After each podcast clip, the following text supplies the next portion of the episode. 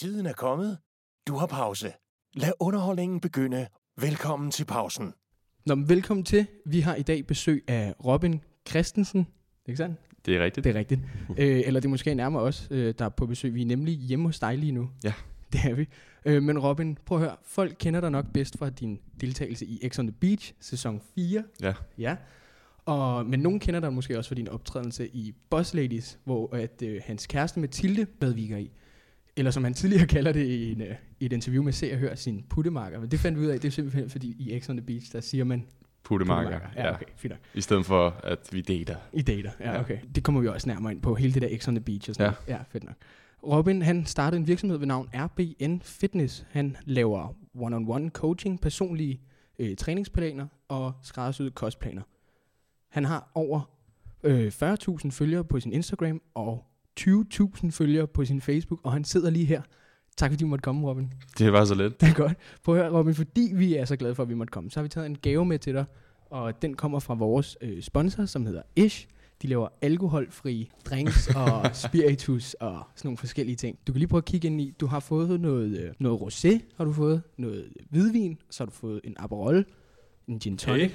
og en gin og en rom. Alle sammen uden alkohol. Jeg elsker Aperol. Ja, det er det. men, øh, men som sagt, der er både en rom, en gin, og så de fire forskellige dåser der, ikke? Ja. Øh, du kan også godt få roséen og hvidvinen på flaske, men nu får du dem selv, simpelthen på dåse. Så det er, helt, det er et helt blandingssæt. Så Det det hvad er- er dem her til en af dem her? Lige præcis. Det er, nej, nej, altså gin tonic, Altså, dåserne er færdigblandet. Okay, er altså færdige. det her, det er så... Øh, det er bare ekstra. Hvis du nu tænkte, jeg vil gerne lave en, med, øh, ikke? hvis jeg nu gerne vil lave en, øh, hvad, hvad har vi lavet, en daiquiri eller sådan noget, Ja, eller en, en, en simple rom og cola, eller Ja. en bramble, eller et eller andet. Altså, så vil du kunne bruge så det. det er så opblanding uden øh, alkohol, som normalt vil være alkohol. Ja, lige præcis. Så du kan faktisk lave alle drinks med rom og, gin. Nu gør jeg lige noget for. Nu åbner jeg den bare lige, fordi skal dufte til den. Det er rommen Men her. det skal lige siges, altså de, øh, hvad hedder det, gin og rommen, de, det er blandingsprodukter. Okay, Det er, hvis du drikker dem rent, så smager Ja, så det ikke af rom. Altså, okay. Prøv at dufte til den rom der. Så det er i hvert fald rom, det dufter Det er meget sjovt. og det smager pissegodt. Har du nogensinde prøvet øh, Morgan og Cola? Ja, men jeg elsker det. Ja. Det gør jeg. Hvis du kører, hvis du Det er en familieting. Det er en familie ting. fedt, fedt, fedt, fedt. Hver julefrokost og påskefrokost, så skal der rom og cola til på bordet. Puh, ja. Den, så, der, så hejser vi flad. den der vil du godt kunne snyde folk med i en rom og cola, kan jeg så sige. Eller Morgan og Cola. ja, det har vi jo så prøvet. det har vi prøvet i et, øh, i et køkken, hvor folk er rigtig glade for, for rom og cola. Spændende. Ja, og det der er med det er også, at der er næsten ingen kalorier i. Okay. Og det tænkte jeg, du Så kunne den måske... er også træningsvenlig. Den er nemlig træning. Eller kostvenlig. Det er den nemlig. Og jeg tænkte, at det var noget, du måske ville synes godt om, ikke? Altså i stedet for at 100%. tænke, Nå, men jeg kan ikke drikke et glas hvad, hvidvin, fordi at det Ja. måske er lidt for mange kalorier i. For der er overraskende mange kalorier i hvidvin. Ja. Så er sådan en der, den er Ja, næsten... det er jo spritten, der gør det. Den er der jo ikke her. Nej, det er jo det. præcis. men, øh, men Robin, vi vil jo rigtig gerne ind på det her træningsaspekt, der er i dit liv, ikke? Ja. Vil du ikke fortælle lidt om dig selv? Altså, hvor startede din rejse? Fordi vi ved jo, at øh, på din Instagram siger du i hvert fald, at du startede din transformation, da du var 13 år gammel. Yes. Det var øh, helt tilbage i folkeskolen, jeg faktisk startede med at træne. Ja. Øhm, og det kom jo på grundlag af to ting. Et, det var, at øh, jeg blev tit og ofte omtalt som ham der, den tynde dreng med en sixpack. Øhm, og jeg viste jo gerne min sixpack frem. Det er jo pisse fedt. Sådan- det er sådan en ung dreng ting, ikke? Når man Ja. har den, så skal man vises frem, ikke? Præcis. Øhm, så der var nogen, der selvfølgelig ikke brød sig så meget om det, og de skulle tale det ned ved at sige, at han har den, fordi han er tynd. Det havde jeg så godt nok også. Altså, det var ikke, fordi jeg havde trænet mig frem til sixpack. Øhm, men det er også det, sixpack, den kommer af en lav fedtprocent, og det havde jeg, så derfor stod jeg og viste den frem. Og så den anden grund, det var så på grund af en dreng i min klasse, han var begyndt at træne meget. Og jeg begyndte så at lægge mærke til, at han begyndte at få lidt større overarm. Det var ikke, fordi han var kæmpestor, men jeg følte jo, at han var stor på det tidspunkt, fordi jeg selv var den her lille tynde dreng. Øhm, så en sammenhæng af, at folk de havde kommenteret på, at jeg havde sixpack, fordi jeg var tynd, og at jeg så så ham drengen fra min klasse, som der begyndte at træne, så tænkte jeg, at det skulle da mega fedt. Altså, Hvad Ja. klassetrin var det? Det var i, øh, det var i slut 8. klasse, vist. Der tror jeg, det var der omkring, at, øh, at jeg virkelig blev inspireret af, okay, jeg skal virkelig i gang med at træne her nu, ikke? Det er sjovt, for vi gik jo i folkeskole sammen. Ja, så Ja. ja. du kender det godt, det er Bylov. Ja, ja. Nå, Ja. var det Bylov, der Det var Bülow, ja. okay. ja. Ja, ja. han, han var stor. Han var, han var stor træner, Ja, han, øh, han fik nogle gode overarme og en solid brystkasse. Så Han det, gik lige pludselig, det gik stærkt for ham. Ja, ja, præcis. Ikke? Altså, så der, der var der, hvor jeg virkelig blev inspireret til sådan, okay, jeg skal virkelig presse den nu. Altså, jeg skal virkelig gøre en forskel for min krop. Der er ikke nogen, der skal sige til mig, at jeg har en sixpack, fordi jeg er tynd. Nej. Og to, altså, hvis, hvis drengen fra min klasse skal gøre det, hvorfor skulle jeg så ikke også kunne gøre det? Ikke? Ja, lige så, præcis, som siger, lige det, var, det var det skub, der fik mig virkelig i gang. Det er sjovt, fordi at jeg husker det som om fra folkeskolen af, at du altid var ham den lidt store. altså, du var jo altid stærk, der var ikke noget der, men, øh, men jeg, har, jeg har aldrig hørt om det med sixpacken. Det har vi i hvert fald ikke sagt i Nej, det er heller aldrig noget, jeg som sådan, du ved, har, har talt ud om. Nå, Jeg okay. gider ikke være den der person, der whiner om sin fortid. Nå. Om, at, øh, altså, det har aldrig været decideret mobning, det har bare været decideret provokation, øh, provokation Nå, over det. Ikke? okay. Måske mere en, en, en, en, en push-faktor for dig. Ja, ikke? Altså, det er Altså- måske en positiv nu, ikke? Ja, jamen det er det. Så, så jeg har aldrig rigtig talt om det, fordi jeg har aldrig set det som sådan en mobning eller noget. Jeg har mere set det som et, et skub til, at jeg fik Mm. gjort noget ved tingene. Ikke? Så Okay. Var, så- det, var det der, du gik all in på træning? det var der, hvor jeg gik all in, ja, hvor jeg sådan med min mor, hvor jeg sagde til hende, bror her, jeg vil gerne meldes officielt ind i et fitnesscenter nu, jeg vil gerne have mulighed for at kunne træne med håndvægte, og så videre, Ja. så videre, så videre, ikke? Der er det selvfølgelig meget stille roligt ud. Jeg kaster mig ud i noget, jeg aldrig nogensinde har haft prøvet før, eller har nogen erfaring med. Øhm, så det starter med, at jeg man nede i, øhm, det hed fy, fysik, hed det vist, Ja, ja, eller nede i Kastrup. Ja, præcis. Øhm, og hvis man skulle træne som, som en, der ikke er gammel nok til det, på det tidspunkt, der var de der 14 år, øh, hvor jeg fik lov til at melde mig ind, øhm, så skulle man have en træner, der lavede et program for en. Så var sådan noget tre træninger om ugen, og resten, der skal jeg bare slappe af. Jeg skulle følge det her program her. Og sådan, det var ikke det, der gjorde de store forandringer for mig, men det var ligesom der, hvor det startede stille og roligt ud. Ja, okay. Men det, men det er også gået rimelig hurtigt for dig, ikke? Altså derfra, da du startede, og så gik... Altså ligesom, Jo, altså min, min, min, min fysik har responderet rigtig godt på det. Altså min, min bygning af krop, den er fra naturens side bare, ja, nu skal jeg ikke tale mig selv op, men skabt til Nej, det at fint. kunne lave de resultater, ikke? Ja, jo. Altså, der, der er folk, de har en, en, en, stand, en, grund, en grundform, som der gør, at de kan bygge meget hurtigere, end andre kan. Men generelt bare den første tid, man begynder at træne, der responderer kroppen for en godt. Det var fordi, jeg var oppe og træne med dig på et tidspunkt. Mm. Og jeg kan huske, at det vil jeg aldrig nogensinde gøre igen. Fordi, det, vi var oppe og træne, og du øh, pressede øh, helt vildt meget, og det ja. Var super godt. Det var det, jeg ligesom skulle bruge, men så øh, kom jeg hjem, og så gik der de der to dage, og så kunne jeg ikke mærke mine arme. øh, fordi der var du bare allerede så ja. God til det, Min tolerance, den var så høj. Ja, det var faktisk ret imponerende. Øh, men, øh, men skide godt. At høre. Øh, at du sagde, at din mor, er der andre i din familie, der træner? Altså min, min far, han træner. Han har trænet gennem hele min opvækst. Han øh, havde et øh, sådan lille træningsstativ nede i kælderen, hvor man kunne træne ben og ryg og arme og bryst og alt det her. Ja. Og så nogle håndvægte, og der har jeg altid været fascineret af ham træne. Så det har været en del af opvæksten, at han har stået dernede i kælderen, og så skulle jeg ned og træne med, ikke? Øhm, så der er aldrig, på det tidspunkt har jeg ikke gjort mig nogen tanker om det. Jeg har også været med min far op at træne efterfølgende ja. I fitnesscenteret for ligesom, du ved, hvad er det far, han egentlig laver op i træningscenteret, ikke? Ja. Øhm, men det har aldrig været en intention om, at på det tidspunkt, jeg selv skulle kaste mig ud i træning. Det var bare været spændende på det tidspunkt. Men, men det har altid været tæt på mig, på mit liv, det her med træning, fordi min far altid har gjort det. Okay, så det har på en eller anden måde haft en tydelig effekt, Ja. at han har været der, ikke? Ja, Har han været i nogle konkurrencer? Aldrig nogensinde. Aldrig Men nogensinde. altså, han har haft en, en rimelig solid form, og han har altid haft store overarm og en god brystkasse. Øhm, ja. Okay. Og jeg tror også, det er der, hvor mine gener de ligesom er kommet fra, at, at jeg har fået de samme resultater, ikke? Jo. Jo. Så man har aldrig benyttet sig af konkurrencer eller noget, han har bare gjort det for hyggens skyld, fordi han godt kan lide at træne. Ja, okay. Det er grunden til at spørge. Det er fordi, du har jo været med i, uh, i Nordic Championship. Ja. ja. Øh, vil du ikke fortælle lidt om det? Det er i 2019, hvor du stiller op i Classic Fysik, og simpelthen vinder en anden plads og en tredje plads, hvis det er forstået Mhm. rigtigt. Ja. Hvordan, øh, hvordan var vejen op til det punkt, altså, og hvor meget arbejde går der i at nå til de højder? Jamen, øh, det startede faktisk øh, et år før det, hvor jeg stillede op til min allerførste konkurrence, fordi det er jo faktisk nummer to konkurrence, jeg stiller op til. Øhm, så det startede med, at min træning den var blevet rigtig god, og jeg begyndte at få nogle rigtig gode resultater, og så havde jeg, um, havde nogen i min træningsomgangskreds, øhm, der havde jeg nogen, som øh, var rimelig seriøse med det, og de ville stille op, og jeg fik ligesom luftet den her med, at øh, der er mulighed for at konkurrere med sin form. Øhm, så der fik jeg at vide, at jeg havde en god øh, grundform, og den kunne bygge meget godt videre på, og faktisk gå hen og kunne vinde konkurrence med den form. Og det synes jeg var mega spændende, fordi Ja, ja, jeg har aldrig nogensinde vundet en, en medalje for noget, jeg har været god til. Nej. Altså jeg har gået Okay. til forskellige sportsgrene, øh, kampsport og fodbold, og Har du aldrig vundet en medalje i aldrig fodbold? vundet en medalje. Jeg I har fodbold? Aldrig. Jeg har fået en uh, medlidenhedsmedalje. Ja, okay, det, er, det er alle dem, som der ikke fik en uh, top 3, de fik en medlidenhedsmedalje. Det er det, jeg har fået, ikke? Det er næsten værd at få den, end ikke at få den, ikke? Det, så har jeg fået nogen til, til karate også, men det har ikke været for en, øh, en første plads, anden plads eller tredje plads. Det har bare været, fordi du har deltaget i stævnet. Og sådan. Ja, okay. Så jeg har aldrig rigtig vundet, vundet noget for at være den bedste af de alle andre. Ikke? Så jeg tænkte, det var en god mulighed. Får at vide, at jeg har god form til det, og så har jeg ligesom trænet op til min første konkurrence året før det, Mm. hvor jeg så gik hen og vandt en guldmedalje. Um, og det var ligesom der, hvor jeg fik lidt blod på tanden og Ja, tænkte, klart. næste gang skal jeg gøre det endnu bedre, fordi det var et, et lavt felt, jeg var i der. Sådan, Ja. Den ville jeg have vundet, kunne vinde igen med året efter igen. Okay. Øhm, så jeg tænkte, jeg ville steppe niveauet op og gerne rykke mig lidt ekstra, skubbe mine grænser. Det var så der, hvor jeg stillede op til det, du snakker om, uh, Pro Nordic der. Ja. Øhm, hvor jeg så gik efter et uh, Pro-card, hedder det så. Og det vil så sige, at du er den bedste af de bedste. Okay. Øhm, og kan konkurrere med alle de professionelle i ligaen. Ikke? Mm. Øhm, ikke på det tidspunkt vil jeg sige, at jeg havde en chance for at vinde, men selvfølgelig går man efter at vinde det. Men du kom jo ret langt. Jeg kom langt. Jeg fik en i, i seniorklassen, det vil sige dem, der var ældre end mig. Ja. Det var øh, 24 plus. Ja. Der fik jeg en tredjeplads. Så ham, der var yngst øh, før mig, eller efter mig, kalder man det så, han var 25 år. Mm. Og så kom vi ned til mig, som så var 19 år. Og der fik jeg så en tredjeplads.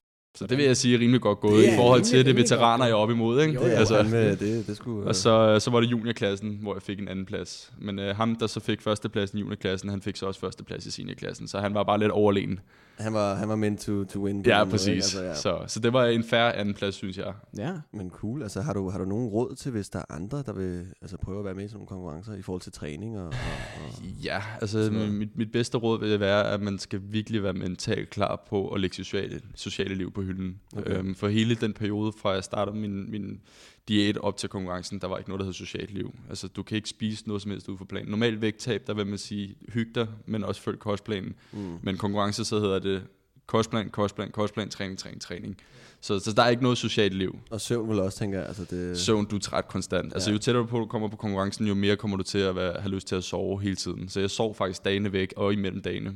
Øhm, så det er sådan noget med, at jeg sov til klokken 1, ja. bare for at måltiderne de ligesom blev skubbet sammen, op til jeg skulle øh, i seng igen. Ikke? Så det vil sige, Ja. så er der mindre tid imellem måltiderne, så derfor sov jeg så længe.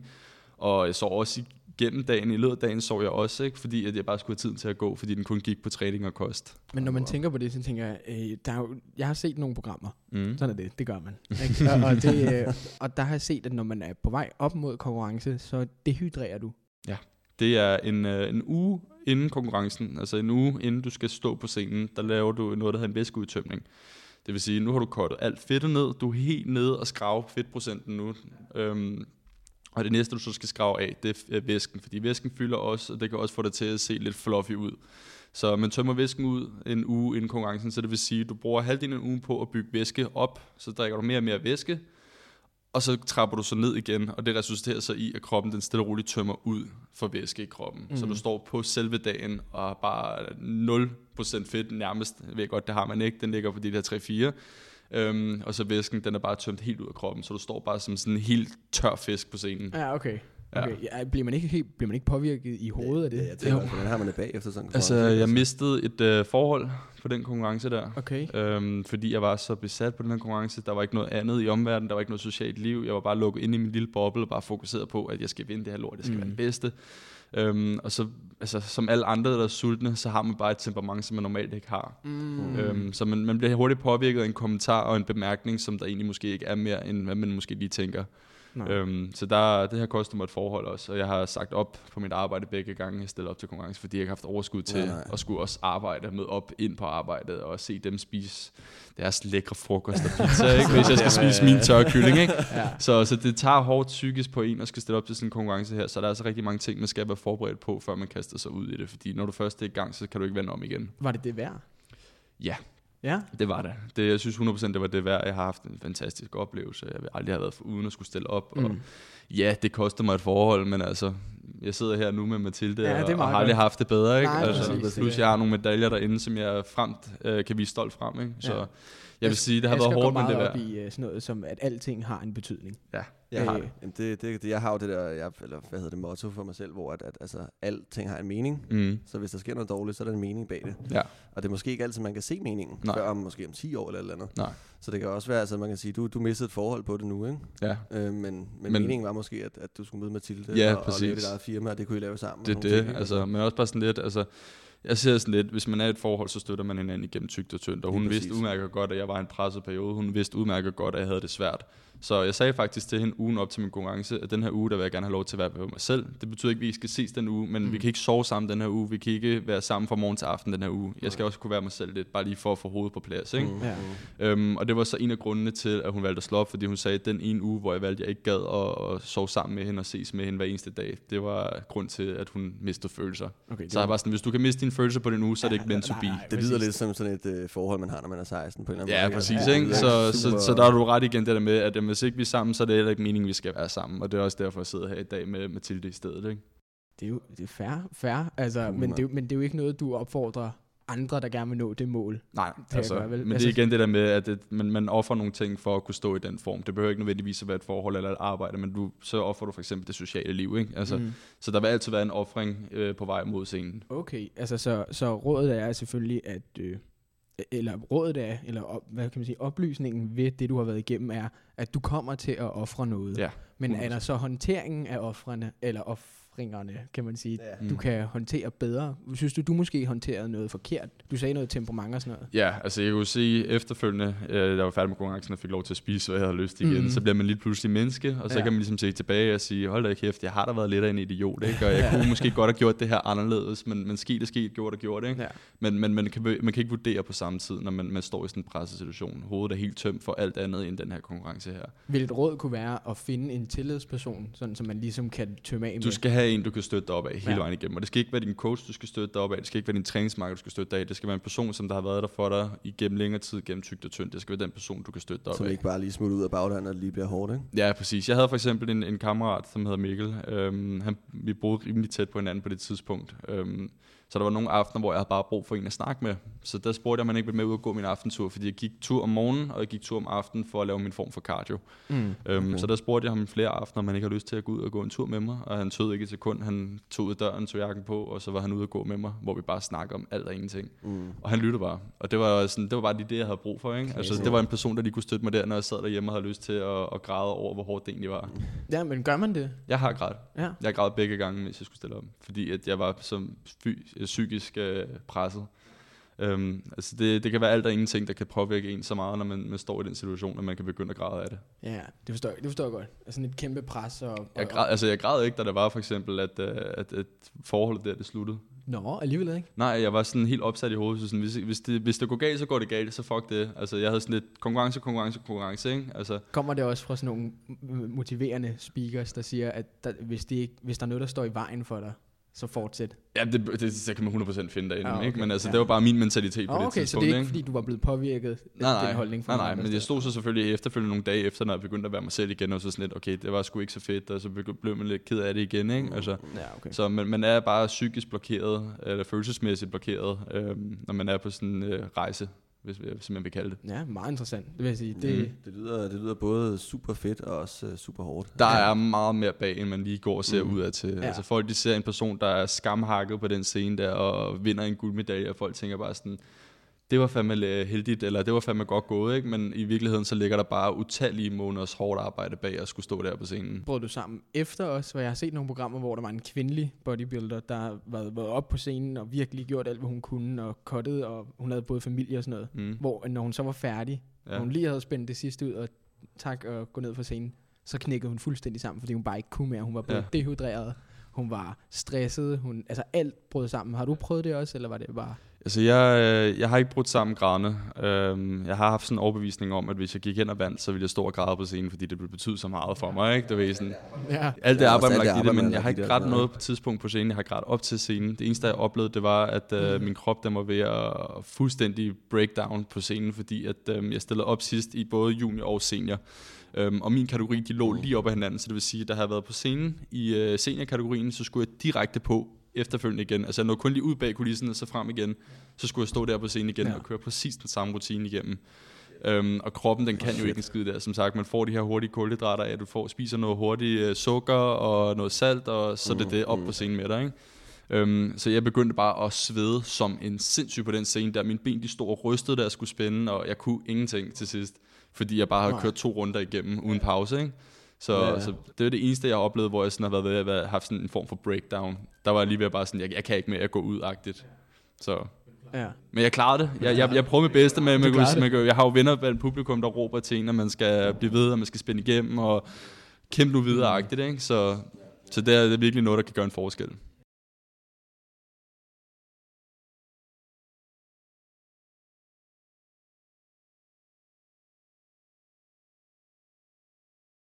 Prøv at høre, du har jo også et, øh, som sagt et firma, der hedder RBN Fitness, og vi kunne rigtig godt tænke os at komme lidt nærmere på øh, det, du gør, eller lidt anderledes. Altså, synes du, der, vi snakker om pres før, synes du, at der ligger et pres i at skulle tage sig af sine klienter og, og måske dele sine metoder?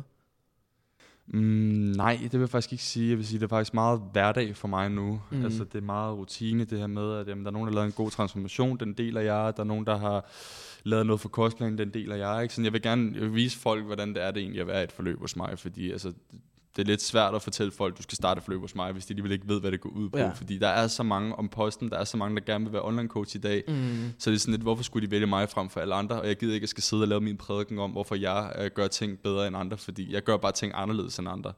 Øh, lige så vel som de også vil sige, at øh, altså, der er nogen, de vil selvfølgelig claime, at de er de bedste i branchen. Det skal Ja. ja. de have lov til. Det må folk selv vurdere, ikke? Men, men jeg vil ikke sidde her og skulle prædike om, hvorfor jeg, de skal vælge mig. Jeg vil hellere bare vise mit produkt, vise, hvordan mit arbejde der foregår, vise, hvordan jeg håndterer mine klienter. Og så ud fra det kan folk ligesom vurdere, okay, det er sådan et forløb, jeg gerne vil have. Så det er bare blevet sådan en hverdag at dele ud af alt. Så du har aldrig været usikker på, hvad folk synes om din tilgangsmåde? Nej, det er ikke, fordi jeg står inde med mit produkt, og jeg ved, at alle dem, som jeg har i forløb nu, hvis jeg beder dem om en udtalelse, så vil de alle sammen komme med noget godt at sige, fordi at jeg ligesom lægger så meget tid og energi i det her, Ja. og jeg har det sådan lidt, altså, jeg vil sgu hellere have god omtale, end jeg vil gå og, og presse folk til at gøre noget, som de ikke er klar til. Øhm, så jeg lægger meget fokus på det her med, at, at folk har det svært, folk har nogle op- og nedture igennem sådan et forløb her, og de kaster, jeg vil ikke selv kunne kaste mig ud i noget helt nyt for første gang, og kunne det 100% uden problemer, så så jeg vil 100% kunne stå inden for at sige, at mit produkt det virker, og det, det er bare sådan, det er. Altså, min service og produkt, det, mm. det er noget, jeg gerne vil stå inden for, og det skal man jo også kunne som, som 100%. selvstændig. Ikke? Altså, 100%. hvis du skal kunne sælge et produkt, skal du også kunne stå inden for det produkt. Så. Lige præcis. Altså, kan du, kan du forstå, at der måske er andre, der, som også godt vil lave det, som du laver, som kan føle sig usikker i forhold til, at, hvad hedder det, tilgangsmåder og, og produkter? og Ja, sådan det vil jeg sige, fordi det er jo så stort et marked, så når, når folk de ligesom lægger noget ud og skal vise, hvordan de kører tingene, så skal de også kunne være sikre på, at det er godt i forhold til, jamen der, der er nogen, der er helt heroppe mm. på toppen, og så er der nogen, der er lidt længere nede, som stadig prøver at arbejde sig op, så det kan måske godt være svært som ny i branchen at skulle sidde og fortælle, hvor godt deres arbejde er, og hvor godt deres produkt er, når de er helt nye til det. Ja. Altså, så, så det er der helt sikkert. Ja. Jeg vil også sige, at jeg havde det lidt svært i starten ved at skulle gå ud og, og, og stå 100% inden for mit produkt og, og vise det til folk, og sådan, det her det er det, der sker nu, og det er det her, der foregår, og uden egentlig at vide, hvordan folk de reagerer og tager imod det, man Ja, ja, lægger op. Ikke? Altså, så det er bare, man skal jo bare kaste sig ud i det, men der er fandme også mange om posten i dag. Det, det må man sige. Ja, og grunden til, at vi spørger er jo, fordi vi har en kammerat, som rigtig gerne vil lave det, som blandt andet du mm. Laver. Øh, og han vil også gerne en dag eje sit eget fitnesscenter og sådan noget. Øh, han har ret store ambitioner, men han, han forklarede på et tidspunkt, at han var en smule usikker på, om folk synes, det han gjorde var godt nok. Ja. Og det er det, vi spørger ind til, når vi spørger om tilgangsmåder. For jeg er sikker på, at du synes, at det, du laver, er, er godt. Mm. Og det er jeg sikker på, at mange andre også synes. Men i helt i startfasen, når du vælger at gå ud og sige, jeg vil også gerne dele mine metoder og min måde at spise på og sådan noget. Øhm, altså tænker du ikke, at, øh, øh, at den, den, altså, den havde du slet ikke? Det tænk, tror jeg, man tænker altid, når man starter på noget nyt. Altså, man vil sige, at når, det, når man er kommet ud på nye farvande, øhm, så vil alt være en ny oplevelse for dig. Mm. Det Mm. kan godt være, at du har dine metoder, du ved, hvordan du får folk i form, men du har ikke arbejdet med mennesker før. Du har ikke prøvet at lave planer til forskellige mennesker, der har forskellige mål. Så det, alt, alt er under proces, alt er under bearbejdelse, så man, selvfølgelig bliver man bedre og bedre med tiden, så man kan godt være usikker på tingene til at starte med. Så Mm. sådan, er det et godt produkt, jeg har? Fordi du har ikke prøvet det af over længere tid, du har ikke prøvet det af på tonsvis af forskellige målgrupper. Øhm, og indtil du har gjort det, så kan du ikke vide med 100% sikkerhed, at det er et godt produkt, du sælger. Nej, nej, det er jo, det er jo klart. Så, så det er også derfor, for eksempel, da jeg startede ud med at lave online coaching, der gav jeg en hel masse forløb til sindssygt billige priser. Mm. Netop fordi, at jeg kan ikke tillade mig at tage overpriser, eller jeg vil ikke kalde det overpriser, men høje priser, Mm. for noget, som jeg egentlig ikke kan vise er et godt produkt endnu. Nej, nej. Så derfor var jeg nødt til de første, jeg ligesom fik ind i forløb, der var nødt til at give dem til en sindssygt billig pris arbejde med dem ud for det. Så jeg havde nogle resultater, jeg kunne vise frem og sige, at jeg har arbejdet med så så mange mennesker, så jeg ved, hvad jeg laver. Og så derefter begynde at hæve sine priser. Ikke? Klart. Så, Så have nogle resultater, der underbygger prisen på ja, måde, præcis. Ikke? Ja. Ja. Så, så man man er nødt til ligesom at starte et sted for at kunne bygge sig op til et andet sted, hvor man kan sige med sikkerhed, det her det er prisen, og du får et fucking godt forløb for det her, de her penge, du investerer i forløbet. Ikke? Mm. Og det er jo svært at sige til at starte med, fordi hvis du så siger det til første gang, du kaster dig ud som online coach, den allerførste klient, du får i røret, og skulle fortælle dem, hvorfor du er god til dit arbejde, hvad det er, der gør, at du er så god til det, du laver, ikke? Men øh, jeg har ikke nogen klienttransformationer, jeg kan vise frem. Jeg har ikke nogen klienter, jeg kan referere til. Jeg har ikke kørt et forløb, som du gerne vil i gang med. Ikke? Så, Men jeg er skidegod. men jeg er skide god, ikke? Altså, så, er det, så er det meget svært at kunne stå inden Ja. for sit produkt. Ja, Ikke? Så okay. man er nødt til ligesom at, at starte et sted, og så få det ind under huden, og blive bedre og bedre hele tiden. Ikke? Jeg prøver også stadig at blive bedre. Øhm, så jeg fortsat kan sige, du ved, at mit produkt er godt, men det, kan, det bliver altid bedre. Ja. Lige præcis. Hvad det? Der er jo mange om budet. Mm. Øhm, og, og her blandt også din egen kæreste, Mathilde. Ja. Hvor meget arbejder I sammen? når det, når det kommer til virksomheder? Jamen, øh, til at starte med, da vi lærte hinanden at kende, da vi begge to var sådan forholdsvis nye i det. Altså, jeg vil sige, jeg gjorde det så også sidste år, men så tog jeg en break fra det, og så, så startede op igen. Så jeg tæller fra, at jeg starter op igen. Øhm, der begyndte mig og Mathilde at snakke sammen. Øhm, og der havde hun ikke øh, fået sit kontor endnu. Vi sad og stadig arbejdede hjemme. Så der sad vi faktisk i samme rum og sad og lavede på computerarbejde og svarede beskeder og video og alt det her. Så det vil sige, det er det tætteste, vi har kommet på at arbejde sammen. Men det har jo været hver vores virksomhed, vi har arbejdet med, så vi mm. har hver vores klienter at fokusere på. Ikke? Øhm, så i starten, der sad vi meget i samme rum og arbejdede, men vi har aldrig decideret arbejdet sammen. Okay, så det er lidt mand, øh, hver mand for sig selv. Ja, præcis. Altså, du har din virksomhed, jeg har min virksomhed, men vi kan godt finde på at spørge hinanden til råds i forhold til, hvis hun har en case med en klient, som der er nyt for hende, og hun mm. måske ved, at jeg har arbejdet med før, så kan hun godt finde på at stille spørgsmål sådan, hvad vil du anbefale vil være bedst mm. at gøre her? Lige så vel kan jeg finde på at spørge hende, hvordan svarer jeg det her øh, spørgsmål bedst muligt? Ja, det må også være rart at have en at spare med, ikke? Altså, 100 procent. Altså, hvis der, hvis der kommer en til mig og vil begynde at snakke menstruation, og det sker i sådan et forløb, altså det, det har noget at gøre med vægten, at folk de ophober væske, når det er, de har menstruationer. Øhm, så der har jeg for eksempel også haft et spørgsmål i forhold til menstruation, hvor jeg spørger sådan, hvordan så var jeg bedst muligt tilbage på det her, uden at, at lade som om, at jeg ved, hvordan hun har ja. det, fordi jeg har lige selv prøvet at have menstruation før, ikke? Ja. Så hvordan svarer jeg bedst muligt tilbage på det her, uden at det skal lyde som om, at jeg ved, hvad hun snakker om, fordi ja, jeg har ikke ja. selv prøvet at have det før, ja. ikke? Så, så der er det meget rart, at jeg ligesom af gode kunne, grunde. ja, af gode grunde. Så der er jo meget rart, at jeg ligesom kunne spørge hende, fordi hun har jo selv prøvet det og har svaret på det spørgsmål tusind gange, ikke? Jo, men jeg tænker også, øh, når, når vi snakker om jeres arbejdsforhold, så tænker jeg også, når det kommer til sådan noget som, hun har jo sponsor, mm. og du har også sponsor, eller i hvert fald øhm, samarbejde med en, med en del. Jamen, øh, jeg har faktisk kun et samarbejde, øh, og det er med Nokko, jeg har det. Ja. Øhm, så det er det eneste samarbejde, jeg har. Jeg, jeg gider ikke at skulle ud og reklamere for, for produkter, for at, at få gratis produkter, når vi kan købe produkterne i stedet. Ikke? Så, så jeg har det sådan lidt nok, og jeg kan godt lide deres produkt. Jeg kan godt lide, at det er ligesom du ved, en koffeindrik, du lige hurtigt kan nå op, og det smager mm. sgu egentlig meget godt. Ikke? Ja. Øhm, så det er det eneste sådan, mærke, jeg samarbejder med, også fordi jeg synes det selv. Det er fucking fedt mærke. Mm. Så, så det er ikke, jeg får ikke penge for det, jeg får kun produkter for det, men det er fordi, jeg godt kan lide brandet. Det er lidt det samme, vi kører med Asia. Mm. Vi kan jo også rigtig, altså vi, vi, jeg drikker ikke alkohol, mm. øh, og det har jeg ikke gjort i lidt over et år. Ja, det er fandme vildt. Det er ret vildt. øh, især når man plejer at tylle bajer af helvede. Ja, det, det var du god til i hvert fald. Ja, det, var, det, var, det arbejder jeg hårdt på. Men øh, Øh, der har vi også oplevet, at det, vi gør det ikke, fordi der er penge i det. Vi gør det, fordi at produktet er fedt, og vi godt kan lide dem, vi arbejder sammen med. Ikke? Øh, ja, det er fedt at være med på den der rejse på en eller anden måde. At se, mm. også fordi det, det, er jo, det er jo et, øh, de, hvad fanden var det i 18? Ja, de startede 18. De, de startede, så det er meget fedt at være med på, på i starten også, ja. og se transformationen på en eller anden måde. Ikke? Altså. Ja, det er virkelig noget langt. Men det er vel også meget fedt at kunne give lidt og få lidt. Altså for ja, eksempel, præcis. Noko, de giver mig nogle produkter, øhm, og jeg giver dem lidt omtale, og de giver også mig lidt omtale. Ikke? Mm. Altså, ja, det er pissefedt noget. Altså det så, fungerer vildt Så godt. vi hjælper ligesom lidt hinanden der, uden at det bliver sådan et, et, et penge, et pengeløsning på nogen måde. Det er bare fra venner til venner-agtigt, ja, okay. vi hjælper hinanden. Ikke? Det er fordi, jeg tænkte mig at spørge om, om, øh, om dig og Mathilde ligesom arbejder sammen med at få sponsorer, eller om det er bare noget, hun, hun gør sig i den måde, ja. ikke? Øh, i den måde at arbejde på, ja. hvor du lidt mere, jeg køber det bare, hvis det er, det er nødvendigt. Ja, men det, det er den samme tilgang, hun også har nu. Hun har faktisk uh, kortet alle sponsorer nu. Nej, hvor vildt. Ja. Okay. Hvorfor? Øhm, samme tilgang som mig. Ja. Altså, så sådan, hvorfor reklamere for et produkt uh, og få et, et lille beløb for det, når vi kan gå ud og købe produkter, når vi har brug for det, ikke? Altså, mm. Så, så hun, der er sikkert også nogle andre grunde, jeg har aldrig helt 100% Nej, sat mig ind i det, men jeg ved i hvert fald bare, at hun også så stoppet sine samarbejder 100%. Mm. Øhm. Det er jo meget cool, fordi man kan, jo, man kan jo godt tillade sig at sige, at I begge to er en form for influencer, ikke? Ja. ja. Altså alt, hvad man gør det til, ikke? Ja, præcis, præcis. Alt, ja, præcis. men, men vi har oplevet, at jeg arbejder øh, på, en, øh, på en restaurant, mm. øh, og hvor der mange gange er kommet influencer ned og ligesom været sådan, hey, hvis jeg nu laver et opslag, kan jeg så få noget Ej. og, og jeg tænker, det, det er fedt, at du ikke er den type, hvor du går ned og siger, hey, hvad hedder det, jeg kunne rigtig godt tænke mig de her håndvægte, eller, eller ja. hvis jeg nu bruger dem i en video, kan jeg så få ja. dem. Jamen, jeg synes, det er helt hul i hovedet. Det er det samme som folk, der skriver til store mærker, så sådan et, hvad siger du til at indgå et samarbejde, hvor I betaler mig for at reklamere for jeres produkt? så sådan, det gør du ikke. Du skal ikke gå ud og bede folk om at betale dig for at reklamere, så skal de nok selv henvende sig. Jamen det er jo lidt sådan, du ved, altså, hvem, hvem er du? Ja, altså, præcis, ikke? Hvem, altså, hvem er det, du tror, du er? Ja, det er det. altså, altså. hvis du er noget, så, så, så ringer de til dig. Altså, så kan man spørge dem stille og roligt, laver I betalt samarbejde? Altså sådan, mm. ja, så sådan, okay, hvis I er interesseret i det, vil jeg meget gerne snakke mere og mere om det, ikke? I stedet ja, ja. for bare at lægge den hårdt ud, så sådan, vil I gerne betale mig for at lave noget reklame, lige så vel øh, kan jeg få min mad gratis, hvis jeg lægger et opslag op. Så, Ja, fuldstændig altså, udlagt. Også fordi de har ikke meget mere end, øh, end, og det er ikke fordi det ikke er meget, men de har ikke meget mere end sådan noget 13.000 følgere. Mm. Så det er sådan lidt, Nå, men i forhold til 40.000 er det jo ikke så meget, kan man sige. nej, præcis. så, så, Nå, men så, altså, så eller- rolig eller nu, ikke? 100.000 Men altså, for alle, alle kan jo efterhånden blive influencer, så er det lidt ligegyldigt, hvor mange følgere du har. Altså lige Ja. snart du begynder at reklame for et produkt, der får en betaling for det, eller et eller andet, så er du lige pludselig influencer, ikke? Ja, Jo, jo. ja, præcis. Og så kommer folk med 5.000 følgere og siger, at de vil lægge et opslag op for, at de kan få gratis mad. Det holder ikke. Altså. Det bliver lidt beta på en eller anden måde, ikke? Ja, præcis. Men lad os lige hoppe videre, fordi vi snakkede både om noget selvtillid før, og vi snakkede også om noget, øh, eller vi var lidt inde på noget selvtillid. Vi snakkede også, du sagde, du holdt en pause. Det tænker jeg har noget at gøre med, at du var med i X on the Beach. Kan det ikke passe?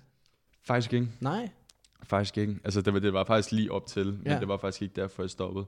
Øhm, jeg havde fuldtidsarbejde på det tidspunkt, og jeg kørte til online coaching ved siden af. Øhm, og på det tidspunkt, da jeg kørte online coaching, der havde jeg ikke den hjælp, som jeg havde brug for. Som ny i branchen og ny inden for faget. Så sådan, ja, jeg kan godt finde ud af at lave resultater på klienten, men jeg ved ikke, hvordan jeg kører et ordentligt firma. Jeg ved ikke, hvordan jeg bedst håndterer mine klienter. Jeg ved ikke, hvordan jeg bedst gør det ene og det andet og det tredje. Så sådan, jeg havde ikke styr på andet end at få folk i form, men det er også svært, hvis ikke man har styr på alt andet, fordi så har du ikke nogen til sidst, du kan få i form, fordi der ikke er nogen, der ligesom lægger mærke til dit navn eller Nej, produkt, nej, vel? præcis. Så er det svært at være direktør i hvert fald. Ja, det er det. Så, så til sidst, så var jeg sådan lidt, okay, øhm, nu kører de sidste klienter ud, og så stopper jeg helt, når den sidste klient er stoppet. Og det passer faktisk lige med, at det var derop til, at jeg skulle være med i X. Men lad os, lad os snakke om det. Ja, det, det er jo Lad os spændende lige nok. snakke om X on the Beach. fordi, øh, helt til at starte med, hvordan, hvordan fanden kom du med i reality? Altså det kræver for det første noget selvtillid. Ja. Og hvad, hvad var det så, der gjorde, at du gerne ville være med i det? Hvordan kommer man i Ja, kontakt hvordan kom med du det? overhovedet med? Jamen, Altså, øh, det har faktisk aldrig nogensinde været min intention om at skulle være med i sådan et program før. Nej. Øhm, jeg har faktisk ærligt talt set lidt ned på det, fordi at når, man, når man ser reality udefra, så virker det bare som øh, blondiner, der er helt hul op i hovedet og ikke ved, hvad fanden de snakker om. Ikke? Altså, og så, og så fyre, der, fyre, der kommer ind for at drukke og hore. Ja, ja, og, altså, ja, ja, det, det er ja, bare ja. to kombier, der bare spiller godt sammen i et reality-program. Ikke? Øhm, så det er den tilgang, jeg har haft til det førhen, så er jeg sådan, at jeg skal ikke være med i sådan noget. Altså, det skal jeg fandme ikke. Jeg skal ikke min fa- familie skal ikke se mig på åben tv være med i knaldeprogram. Men, Øhm, men efter øh, 3-4 henvendelser for øh, sådan nogle byråer, der kaster, så valgte jeg faktisk at sige, at Når de henvendte sig til dig. alle gange har de Okay, henvendt sig til mig. okay. Så jeg blev spurgt, om jeg ville med i X, og jeg blev spurgt, øh, om jeg ville med i Love Island, dengang de kastede til det. Ja. Der blev så kun en sæson af det. Øhm, og så spurgte de mig igen til X, og så fire gange, tror jeg, hvis det var, der valgte jeg så at sige, ved du hvad, det passer sgu fint. De gør Ja, det. ja. Jeg havde ikke nogen kæreste, jeg havde lige stoppet som online coach, og Mm. jeg havde en arbejdsplads, som var rimelig fleksibel med at holde fri og så videre. Mm.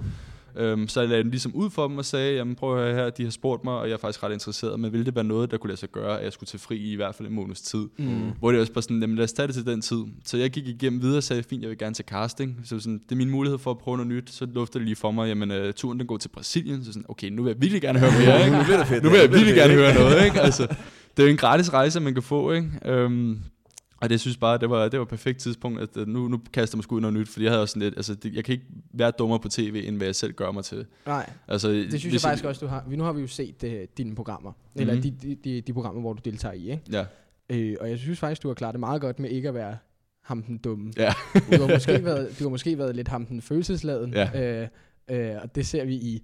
Åh, hvad afsnit var det, vi så? Øh, der er et, hvor, at, øh, hvor der er... Det var noget med, med, hvis der var en dreng, der blev smidt ud eller sådan noget, så Ja, ja, ville du slet der- ikke kunne bære når, at når, de kom, mere, når, eller sådan når, noget. når de var nede på stranden, Mm. For at se, drenge. om en eks kom op, ikke? Ja. Øh, så sad tyren, ham der, der er rimelig stor, Ja. ja. med tatoveringer over det hele. Ham, der var Ellers den ældste. Niklas. Niklas, ja. Øh, og ham den der relativt nye, ikke? Og så, Ja. ja. og, og, så kommer der en pige op, som ikke er nogen af deres ekser. Kan du Ja. huske det? Ja, det var så min eks. Var det din eks? Det var så min eks, ja. Åh, oh, sjovt. Ja. Ja. Nå, Men det var, det var jo ikke var en, det en havde- fejl i programmet? Nej, det var øh, et, et, et smart sådan, me- medietræk, gør det lidt spændende, ikke? Sådan, oh, det er ikke nogen af deres sex, men hvad fanden er det så? Og nu skal de date den person, der er stadig ikke nogen, der ved, hvis sex det er, ikke? Ja. nu skal de tilbage til villaen. Ja, ja, præcis. Så, så der, men, men, men det der var med det, at det, det, det trick, det virkede ikke rigtigt på mig, fordi det er ikke rigtig en X for mig. Det Nej. er et indgangsknald, Ja, som jeg præcis. havde, ikke? Så, Ja. så det, det rørte mig ikke rigtigt, da der var. Jeg var selvfølgelig overrasket over at se, gud, det er den person, jeg kender, det må Mhm. være min X, mm. ikke? Mm. Øhm, men, men så var der heller ikke mere end det, så man kunne sige, hvis der havde været en, en rigtig eks, jeg havde været sammen med over længere tid, som jeg vidste, at alle drengene havde været på eller været på uh, speed dating med, ja. og en af drengene havde kysset hende, så havde der gået fuldstændig ud med gode skin. Ja, men når jeg hører, fik kysset han fik kysset med hende, men, men da jeg ikke har haft nogen sådan speciel relation til hende, så var Nej, det sådan nej. lidt, nå, var hyggeligt, ikke? jeg, jeg tænker også sådan lidt, du ved, fordi jeg har altid tænkt på, når jeg har set det, X on the Beach. Hold kæft, har de mange X'er, har jeg altid tænkt. ja. Øhm, og så siger du et indgangsknald. Ja. Er det simpelthen også indgangsknald, som er X'er? Jamen, eller er det kun, men- hvor du har været sammen med dem i en ekstra periode, eller en, en længere periode? Man kan jo sige, at det, det bliver svært at sætte sådan et program op, hvis jeg kun kan ramse tre X'er op. Ja, Fordi hvis, hvis, hvis alle tre så siger nej, hvordan fanden skal de så få programmet op og køre, ikke? Men du siger, hvis du nævner, er det dig, der nævner, hvem du har været sammen med? Ja, man skal lave en liste over, hvem man har været sammen med. Ej, hvor Øhm, fucking ja. vildt. Så, og det, Nå, den så går, man kan faktisk vælge nogen fra, hvis man tænker... Lige det kan du her. faktisk godt, det, Det kan du faktisk ikke- godt, men de laver selvfølgelig også lidt baggrundstjek selv, Mm, ikke? mm. og så ligesom stemmer det hele overens. Ej, ikke? hvor sjovt. Men så det bliver sådan toppen af listen, det, lad os bare sige, at øh, det længste for, jeg har haft det et år. Så det er altså toppen af listen, det er den person, jeg var sammen med et år. Mm. Den, øh, jeg har haft næsten længst tid sammen med, det er et halvt år, så kører den ellers bare ned helt til, at det er en, du bare har datet og ikke engang har kysset før. Ikke? Altså, Ja, okay. Så du kører bare fra toppen af ned, og det er så der, hvor produktionen de arbejder sig fra toppen af. At de vil jo selvfølgelig gerne have den øverste på Mm, listen med, mm. det er den bedste person, de kan få med i programmet. Ja. Vælger den fra, jamen, så går det ned til nummer to, nummer tre. Sådan kører de hele vejen indtil de ligesom har fået folk til at sige ja. Var der nogen, der ikke kom med, som du har skrevet på? Jamen, Altså, som øh, var på- alle andre. Umiddelbart på Det toppen? var, det var kun hende, der dukkede op jo.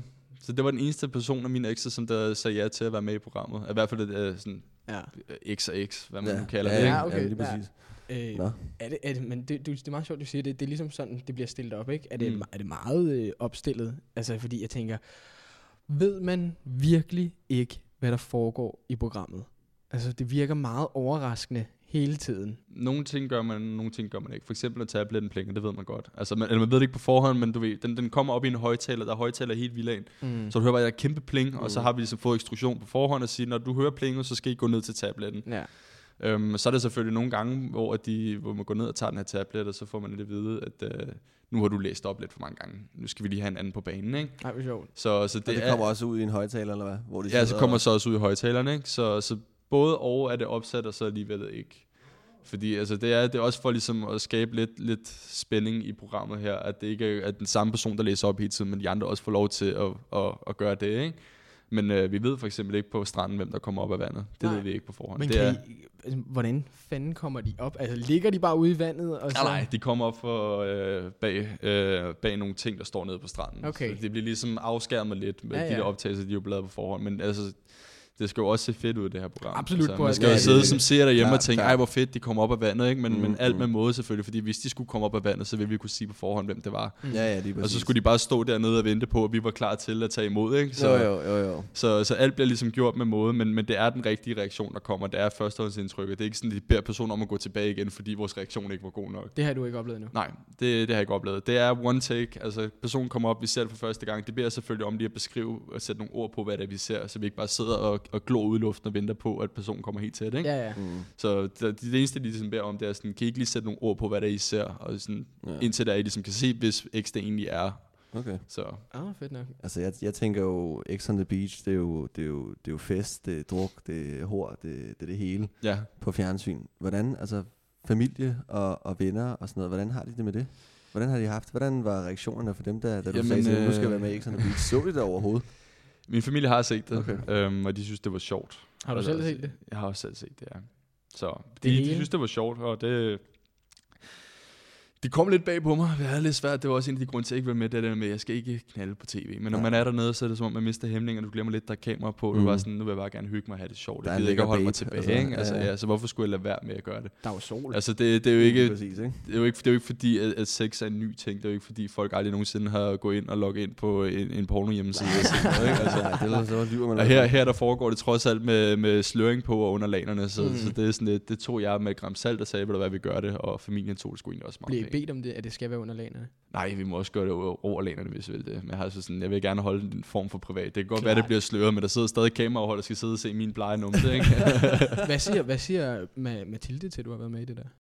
Jamen, øh, det var jo før jeg lærte hende at kende. Hun begyndte faktisk at se det, efter det var, vi begyndte at snakke. Så begyndte hun at se det, fordi hun var sådan lidt, hvem er Robin egentlig? Ikke? Og så sådan, hendes kritik var faktisk på, at øh, vi ikke skulle begynde at ses mere, end det vi gjorde. Mm. Øhm, men hun blev positivt overrasket over, hvem jeg egentlig er for som person, og jeg er ikke den der reality-type der, som der går efter druk, hår og fest. Og så, så det gik egentlig meget godt, at jeg fik en chance, og det gik jo så meget Det godt. virkede, Så, ikke? øhm, jeg tænker også bare, øh, hvad hedder det, vi snakker lige om fester. Nogle gange så holder man nogle fester der. Vi ser det også øh, for eksempel i Paradise og sådan noget. Ikke? Når mm. der ikke er så mange tilbage, så holder de stadig fester. Ja. Er de der fester så vilde, som de bliver gjort udtryk på på tv? Øh, ja, altså det, det er de. Vi, øh, vi prøver at få det bedste ud af festerne selvfølgelig. Det bliver lidt langtrukket i sidste ende, hvor man har festet hver eneste dag en hel måned, og så sådan, nu er min bedste ven råd ud, men jeg skal stadig holde fanen højt. Ikke? Mm. Mm. Så man, man prøver selvfølgelig at gøre sin bedste, og, og der, der er jo masser af alkohol, og lige snart det kommer ind på, så er det lige pludselig en helt anden stemning, der kommer frem. Ikke? Lige præcis. Så, så det er nogle gode fester, nogle gode lege, og vi får det bedste ud af hinanden på de, på de tidspunkter af dagen. Ikke? Så. Mm. Har man, har man tidspunkter, hvor at, at der bliver sagt, her er der ikke kamera på? Altså har man fritid? Nej. På nogen Altså, måde? de- det, de det, der de klipper selv ud, øh, eller hvad? Altså, der, er- der har været et tidspunkt, hvor vi har haft sådan en, en dag, hvor at, øh, der ikke var kamera på. Men så må vi heller ikke snakke... Øh, man må ikke snakke om ting, som foregår inde i villaen. Så hvis vi skal snakke sammen på det tidspunkt, så skal det være noget, som ikke er programrelateret. Fordi at de vil selvfølgelig gerne have det bedste med. af det ikke? Altså hvis man okay, har en, ja. en, en, en diskussion, der ikke er blevet færdig endnu, så skal den selvfølgelig heller ikke tages færdig bag kameraerne. Så vi Nej, vil nej. selvfølgelig gerne have det med, så Mm. folk ligesom forstår sammenhængen af, okay, de er lige været uvenner, hvorfor er de venner nu? Ikke? Ja, Jo, jo, Ja. jo, jo. Øhm, så det er det privatliv, man må snakke, når der er, der ikke er kamera på, hvis det er sådan en helt dag, hvor der er, de skal ligesom catch op på, på øhm, interviewsene og alt det der. Synes du så, der er sket noget under optagelserne, som ikke er kommet med i programmet, som du tænkte, nå, da du så kom hjem og så det? Ja, der var der faktisk en enkelt gang, fordi det fremstår som i programmet, at øh, jeg ditchede øh, Camilla fra den ene dag til den anden for Mm. mm. Emma. Øhm, og det, det fremstod rimelig tydeligt, at øh, jeg valgte hende fra fra det ene øjeblik til det andet, bare efter en enkelt date. Mm. Øh, men det var faktisk overhovedet ikke sådan, fordi det var sådan, at da jeg kom hjem igen efter den date med Emma der, øh, der fandt jeg så ud af for nogle af de andre drenge, der havde fortalt, at øh, Camilla hun havde et barn. Og det havde Camilla så undladt at fortælle mig. Ah ja. Øhm, og det var, vi havde jo datet hinanden fra dag et af på det tidspunkt, mig og Camilla. Mm. Øhm, så er der kommer hjem og får det at vide for drengene, som havde fået det at vide samme dag, jeg var på date. Og får det at vide for dem første dag, så bliver jeg selvfølgelig lidt bitter indeni, at sådan, hvorfor har du ikke fortalt det til mig, Ja. når vi ligesom dater. ja. Øhm, så jeg valgte nemlig af den grund ikke at snakke med Camilla, indtil hun valgte at komme til mig og fortælle, hvad hun har fortalt alle andre, undtagen mig. Undtale dig. Okay. Øhm, så det var den grund til, at jeg ikke snakkede med hende. Jeg havde ikke valgt hende fra. Jeg ville gerne forklare hendes situation. Altså, jeg var meget interesseret hjemme på det tidspunkt og så videre, men jeg havde ikke rigtig lyst til at snakke med hende, før hun har kommet til mig og fortalt, hvad hun har fortalt alle andre. Men øh, programmet fik det til at fremstå, som jeg korte Camilla fra for dag et af, på grund af, at der kom en ny pige ind. Mm. Så det er det Ah, eneste, jeg okay. synes, der er måske lidt irriteret klippet.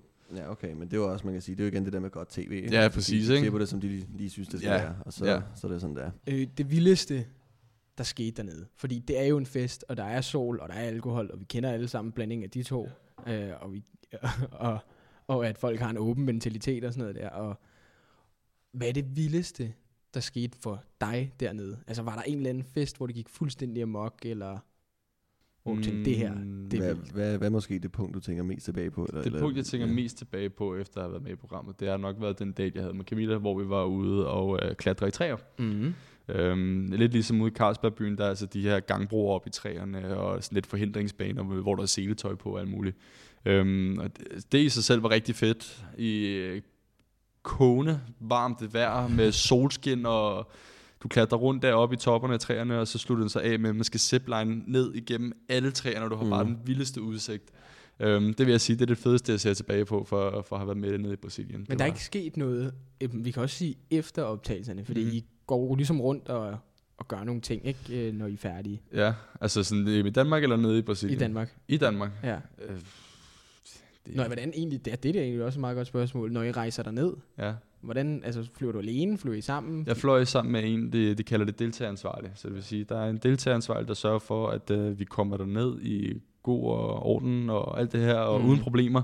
Øhm, også fordi det der med, at altså, det, det skulle, vi skulle helst ikke stå ind på hinanden. Så drengene rejser med drengene, pigerne rejser med pigerne. Pigerne de rejser ned syv dage før drengene.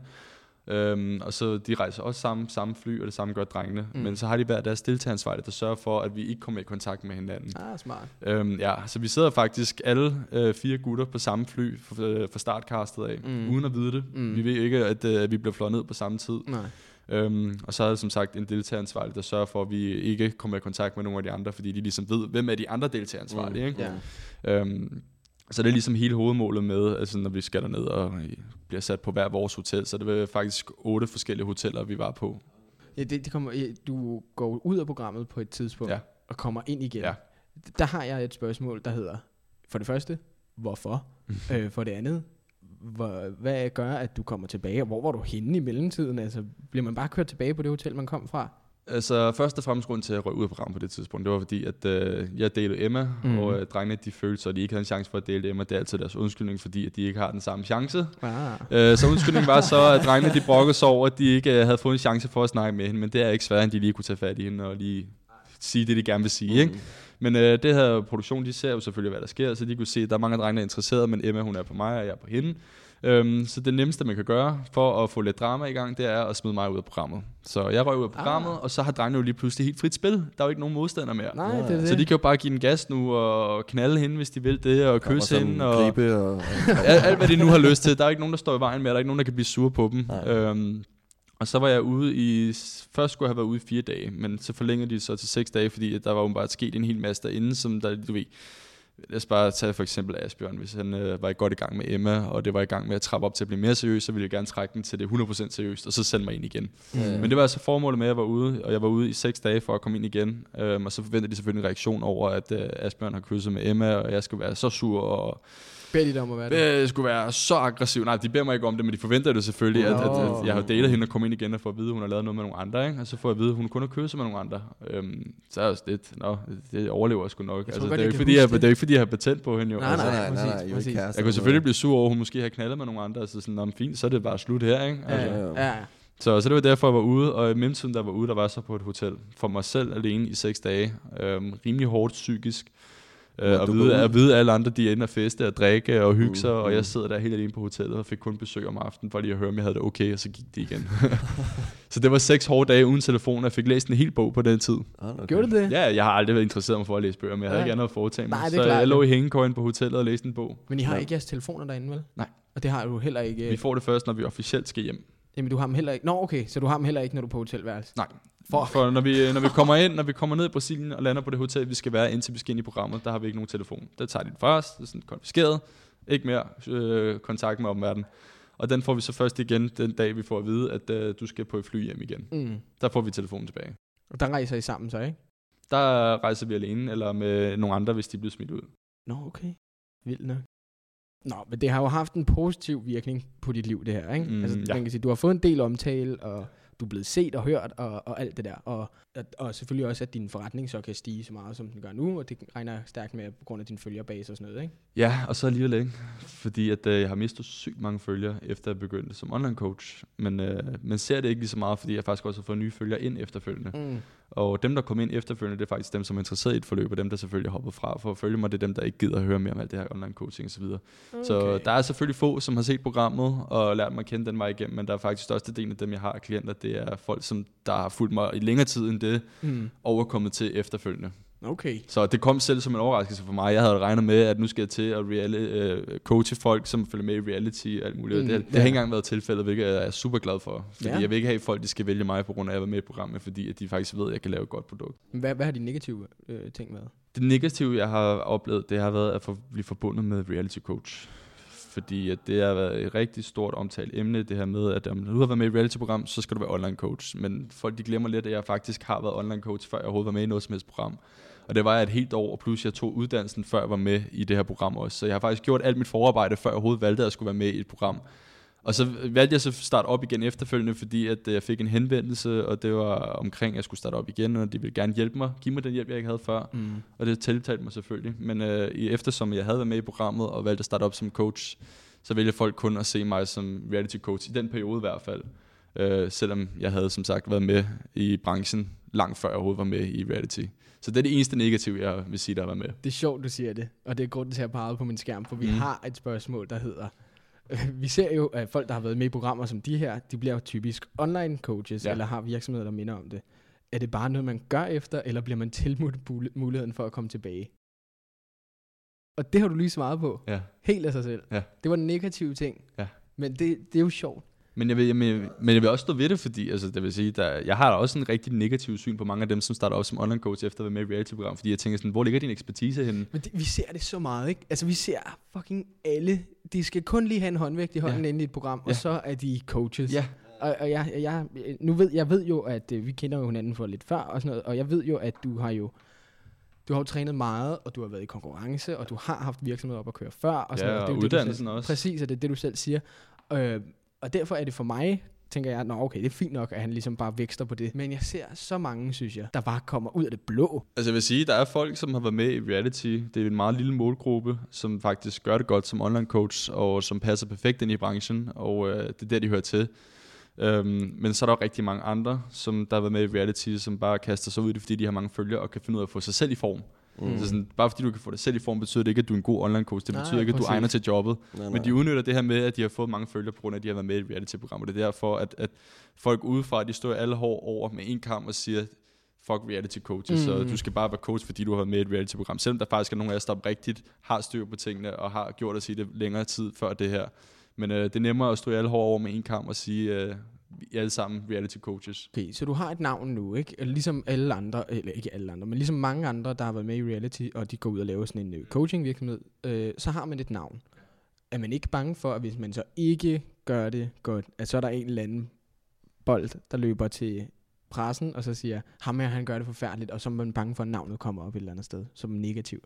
Mm, ja og nej, men jeg vil sige, hvis man er bange for det på forhånd, så skal man måske bare slet ikke være i den branche. Ah, klogt. Ja. Øhm, jeg vil ikke kaste mig ud som online coach, hvis jeg var bange for dårlig omtale. Jeg kaster mig ud i det igen, fordi jeg ved, at det, jeg leverer, det er godt, og den store prædiken igen. Ja. øhm, men hvis man er i tvivl om det fra starten af, og man er bange for at få et dårligt omtale på sit produkt, så er det måske, fordi det ikke er meningen, du skal være et online coach. Altså det, Mm. mm. Og så også det der med, at, at folk de så, jamen, altså, så tager jeg bare uddannelsen, og så kalder jeg mig online coach, men du har stadig kun erfaring med din egen krop. Mm. Ja. Det er ikke en uddannelse, der gør, at du bliver god til dit arbejde. Det er den, det arbejde, du har lavet ude i virkeligheden. Det er de Mm. mm. personer, du arbejder med, der gør, at du er god til dit arbejde. Ja. Altså, så, ja. Det giver mening. så hvis man allerede er i tvivl fra starten af, og er bange for, at man får dårlig omtale, så lad være med det overhovedet. Har du haft meget dårlig omtale?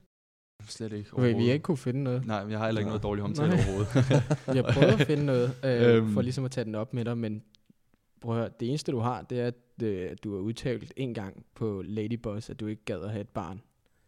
og det giver jo ikke nogen mening, fordi at så står der længere nede i artiklen, at det vil du gerne. Ja. Du vil bare ikke snakke om det nu. ja, præcis.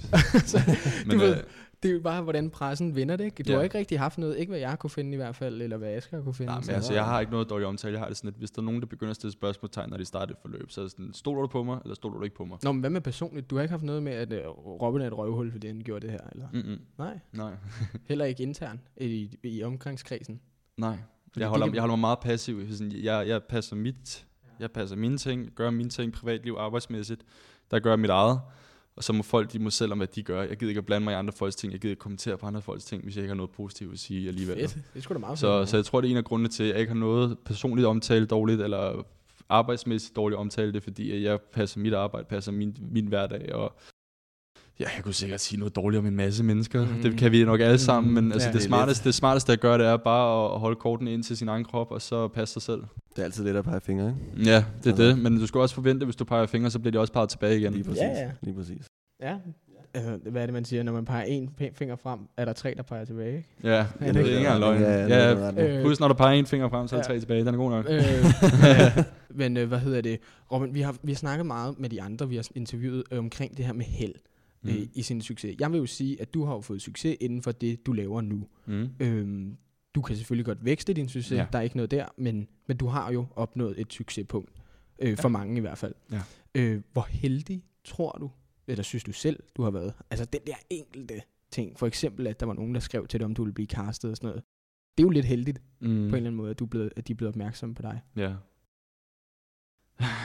Jeg, jeg, vil sige, jeg føler mig ikke heldig øh, af den grund, jeg står her, hvor jeg står i dag. Jeg, siger, jeg kæmper stadig hver eneste dag for at, at blive endnu større, som du selv siger. Selvom Mm. man har succes, kan man altid få mere.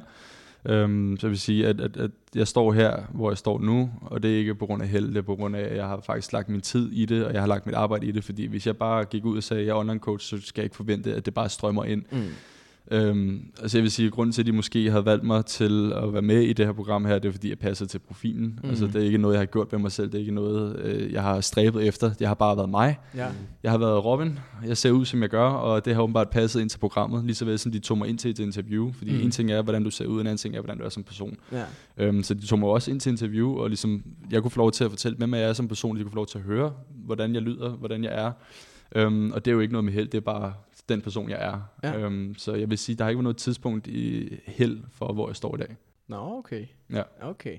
Det, er- det er fordi, vi, øh, vi er meget på, at der er den her enkelte ting, der sker, Mm. som så breder ud til fem nye ting, Ja. der sker, og så fortsætter din... Jeg tror stadig, den ting, den, den, den ligger og lurer rundt om hjørnet på mig. Nå, okay. Jeg tror ikke, den er kommet endnu. Nej. Kunne du forestille dig at være med i reality igen? Nej. Nej, Aldrig. aldrig mere. Aldrig nogensinde. Jeg har haft min oplevelse. Det var en engangsoplevelse. Det var... Du vil heller ikke have et program, program som Mathilde har, for eksempel? Altså, øh, det, det, privatlivsmæssigt vil det ikke gøre mig noget. Nej. Altså, så længe det ikke er sådan et, et program, hvor man skal rejse ud til et andet land og date og alt muligt, det, det gider jeg ikke. Men hvis det var sådan noget, for eksempel Bender og Feline, eller Ah ja. The Olsens, mm, mm, det vil mm. ikke gøre mig noget, fordi det er et program om os og vores privatliv, og jamen, altså, det vil jeg ikke gøre noget mod, at der bliver lavet et program ud fra, fordi så er det fordi, folk er interesseret i, hvordan vores liv ser ud. Ikke? Jo, jo. Men, men jeg vil aldrig nogensinde være med i et decideret reality-program igen. Nå, fedt nok, fedt nok. Fordi det kan godt, vi snakkede øh, kort om, inden vi gik i gang, det her med, at øh, altså, du siger jo nu, at øh, det program, du har været med i, som vi føler er virkelig reality og Mm. opstillet, det er knap så opstillet. Der sker nogle ting, som vi godt Mm. ved og sådan noget, men, men det så for eksempel, som Mathilde er med i, Mm. det er jo kamp tilrettelagt. Ikke? Altså med, for eksempel som da I var på date, Mm. øh, og skulle ind på et hotel, fordi Ja. at I skulle spice jeres forhold op igen. Ja. Var det slemt på det tidspunkt?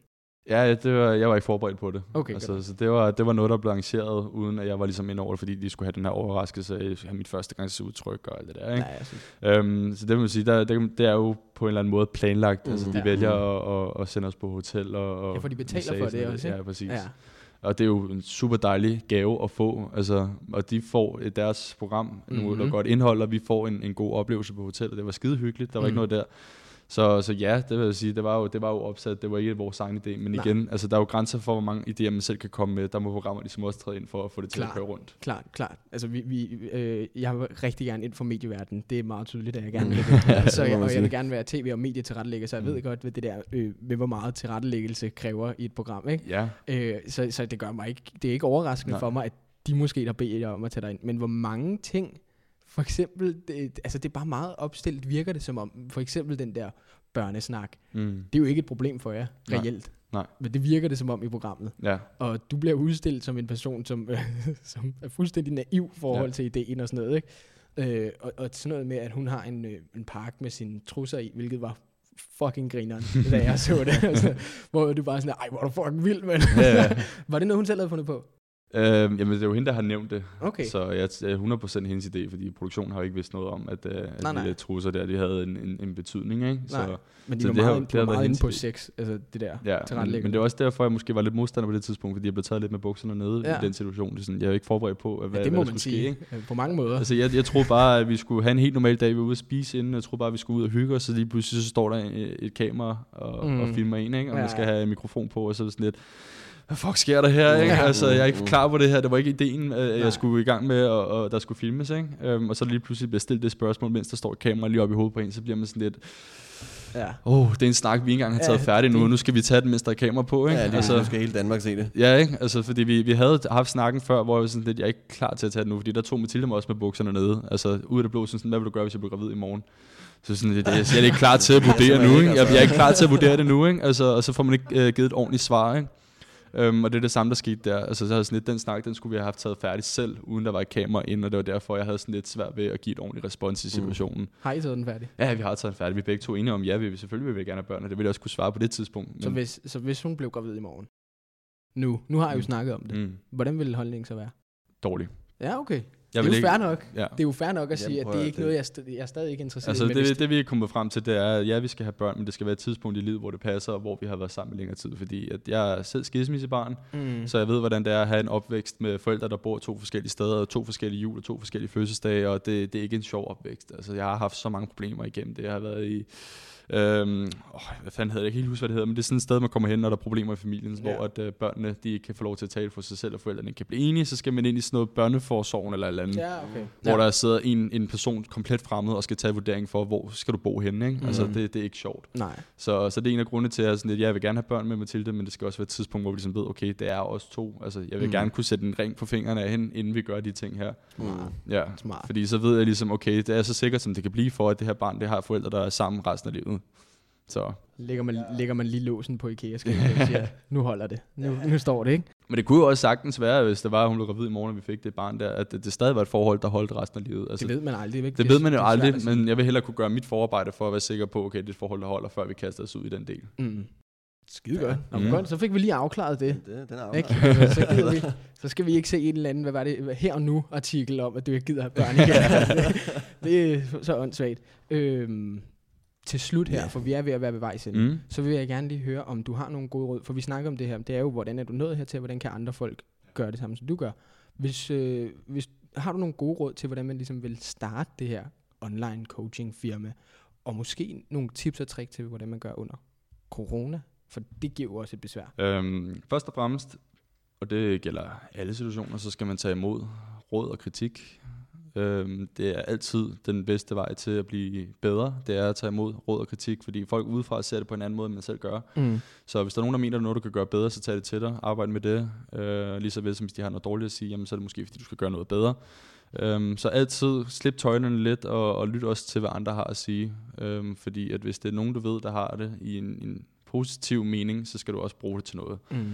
Øhm, og i forhold til her med arbejde under lockdown, så er det det her med, at bare fordi man har noget modstand, det gælder også resten af ens liv, så bare fordi du har noget modstand, betyder det ikke, at du skal bare lade dig skubbe tilbage. Altså, mm. så skal du skubbe imod den her modstand her. Du skal blive ved med at kæmpe videre, du skal blive ved med at gøre det bedste. Hvad kan du gøre anderledes? Hvad kan du gøre bedre? Mm. Hele tiden, selvom det er, at det er en svær periode, lige så vel som hvis det er, du i gang med et vægttab. Det kan godt være, at vægten ikke altid den bare daler. Der kommer et tidspunkt, hvor du måske står stille eller sted lidt. Mm. Men det betyder ikke, at du skal give 100% op. Det betyder, at du bare skal blive ved med at kæmpe og blive ved med at prøve at gøre det bedre og så skal det nok løse sig på et eller andet tidspunkt. Og det er det samme her i, i lockdown. Det er fucking hårdt at, at få det til at køre rundt, men øh, man er nødt til at blive ved med at prøve, fordi altså, hvis du giver op nu, altså, hvorfor skulle du så kunne fortsætte på et andet tidspunkt? Mm. Altså, vi snakkede med, med Morten fra Ish, og han sagde, at det er ikke alle, der fortjener et svar, når du siger det der med, med kritik. Ikke? Mm. Han sagde, at det er ikke alle, der fortjener et svar. Mm. Er det også den holdning, du deler? Ja, altså det er bare fordi, der kommer nogen med noget kritik. Jeg vil sige, at dit uh, produkt er lort det er ikke en, for eksempel en ting, jeg gider kommentere på, fordi jeg ligesom godt ved, okay, jeg står inden for mit produkt, jeg ved det godt. Men alligevel skal man lytte til det og sige, okay, er det måske lort? Er der mm. måske noget, jeg kan gøre bedre? Du ved, I stedet for bare at lukke den 100% af, det at sige, det er noget bullshit, han fører af. Mm. Lad være med at svare tilbage på det, lad være med at give ham den respons, fordi det kan være, at han bare gør det for at provokere, men stadig lige overveje det lidt. Er der noget om det, eller er det bare bullshit, han fører af? Ikke? Mm. Så, så alt med måde, man behøver selvfølgelig ikke at komme med en kommentar på alting og respons, men man skal altid tage tingene til sig alligevel men ikke for meget, så det begynder at påvirke Nej, ens hverdag, og man klar, begynder man sådan, er det noget lort, jeg har gang i det her, ikke? Altså, man skal, stadig, man skal stadig kunne stå inden for sine ting. Klart, men altså øh, Robin, mange tak, fordi du gad være med. Tak, fordi jeg måtte. Ja, jeg håber, der er blevet øh, besvaret nogle spørgsmål til dem, der har lyst til at gøre det, Robin gør. Øh, og ellers så, vi kommer også til at interviewe mange andre, som, kommer til, som laver mange andre forskellige ting, og jeg håber selvfølgelig, at vi hører videre på dem også, øh, hvis I har nogle, ligesom nogle ubesvarede spørgsmål. Men øh, igen, tak fordi I måtte komme, Robin. Det var skide hyggeligt. Mm. Øh, og så lyttes vi bare ved i næste afsnit. Du har lyttet til pausen. Tak for, at du lyttede med.